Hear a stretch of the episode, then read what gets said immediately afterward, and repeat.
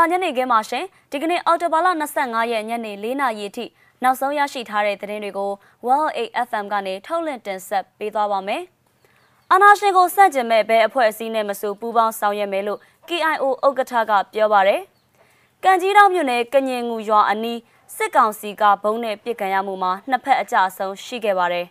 ။တောင်တကုံစီပင်ရုံအနောက်မှာလည်းအတန်ဘုံပောက်ကွဲခဲ့ပါတယ်။ဒီသတင်းတွေနဲ့အတူ အာဆီယံအစည်းအဝေးတက်ဖို့ဒေါက်တာစင်တီယာမာကိုအာဆီယံကဖိတ်ခေါ်တာဟာသတင်းအမှားဆိုတာကိုလည်းတင်ဆက်ပေးပါမယ်ရှင်။စစ်အာဏာရှင်ကိုစန့်ကျင်ဖို့ဆုံးဖြတ်ထားတဲ့ဘဲအဖွဲ့အစည်းနဲ့မဆိုလက်တွဲပြီးအာဏာရှင်စနစ်ကိုအမြင့်ဖြတ်ချေမှုန်းသွားမယ်လို့ကချင်လွတ်မြောက်ရေးအဖွဲ့ KIO KIA ဥက္ကဋ္ဌကပြောကြားလိုက်ပါတယ်။ဒီကနေ့မှကြာရောက်တဲ့ကချင်လွတ်မြောက်ရေးအဖွဲ့ KIO တီထောင်တာ62နှစ်ပြည့်အထိမ်းအမှတ်နေ့မိန့်ခွန်းမှာ ဥက္ကဋ္ဌဗိုလ်ချုပ်ကြီးအမ်ဘန်လာကအခုလိုထည့်သွင်းပြောကြားခဲ့တာပါမိန်ကုန်းမှာပါတဲ့အချက်လက်တွေကိုတော့ The 74 Media ကကချင်ဘာသာကနေမြန်မာဘာသာကိုဓာတ်ရိုက်ပြန်ဆိုဖော်ပြထားတာပဲဖြစ်ပါတယ်မိန်ကုန်းမှာဗမာလူမျိုးကြီးဝါဒနဲ့အာနာရှင်စနစ်ကိုအခုအချိန်မှာမချေမုန်းနိုင်ရင်အနာဂတ်မှာအမြင့်ဖြတ်နိုင်ဖို့ပိုပြီးခက်ခဲသွားနိုင်တယ်လို့လည်းဆိုထားပါတယ်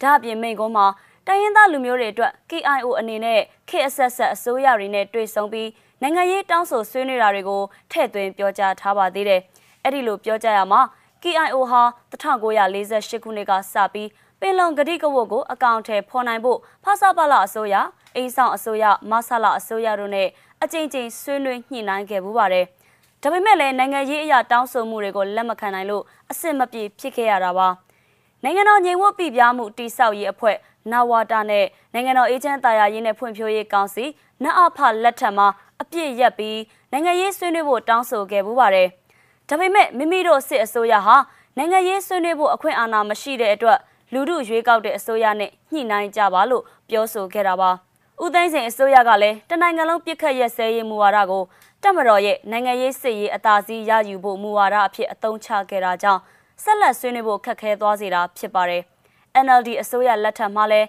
ပင်လုံဂရိကဝတ်ကိုအကောင့်ထဲဖော်ဖို့အတွက် 21ရာစုပင်လုံညီလာခံတွေကိုတက်ရောက်ခဲ့ပေမဲ့လည်း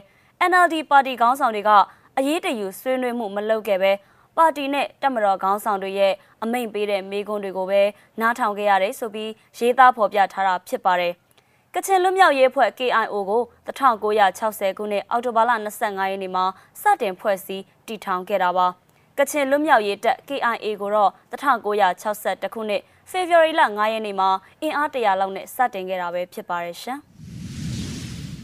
AR တိုင်းမှာစစ်ကောင်စီကဘုံပြစ်ကန်ရတဲ့သတင်းကိုဆက်ပြောပါမယ်။ကံကြီးတော်မြို့နယ်ကညင်ငူကျေးရွာနာမှာစစ်ကောင်စီတပ်သားတွေစီးလာတဲ့စစ်ကားတစ်စီးကိုမနေ့ကညနေ6နာရီကျော်မှာဘုံနဲ့ပစ်ခတ်တိုက်ခိုက်မှုဖြစ်ခဲ့ပါတယ်။ဒီဖြစ်စဉ်မှာနှစ်ဖက်ထိခိုက်မှုရှိခဲ့တဲ့အကြောင်းပသိမ်ခရိုင်မြို့ပြပျောက်ကြားအဖွဲ့ PSTF အဖွဲ့ဝင်တဦးကပြောပါတယ်။ပသိမ်ခရိုင်မြို့ပြပျောက်ကြားအဖွဲ့ဝင်2ဦးကဆိုင်ကယ်စီးပြီးစစ်ကောင်စီတပ်သားတွေစီးလာတဲ့ကားထဲကိုဘုံပစ်ထည့်ခဲ့တာပါ။ ကျွန်တော်တို့ပသိမ်ခရိုင်မြို့ပြပျောက်ကြားတွေလှုပ်ဆောင်ခဲ့တာပါကားတွေကိုဘုံပစ်ထည့်ပြီးဆိုင်ကယ်ကိုပြန်မောင်းအထွက်မှာစစ်သားတွေရမ်းပစ်လို့တယောက်ထိသွားတယ်နောက်တစ်ယောက်ကတော့လွတ်သွားပါတယ်ထိသွားတဲ့တယောက်ကိုစစ်သားတွေကဝိုင်းရိုက်ပြီးတနက်နဲ့ထပ်ပစ်တယ်ကံကြီးတောင်ဆေးရုံအရောက်မှာပဲကျွန်တော်တို့အဖွဲ့ဝင်ဆုံးသွားပါတယ်ဆိုပြီးပြောပြပါတယ်ဒီဘုံပေါက်ကွဲမှုအပြီးမှာစစ်ကောင်စီတပ်သား3ဦးသေပြီးတအူအပြင်းထန်ဒဏ်ရာရခဲ့တယ်လို့ကံကြီးတောင်မြို့နယ်မှာတာဝန်ကျနေတဲ့ရဲတပ်ဖွဲ့ဝင်တအူကပြောပါတယ်။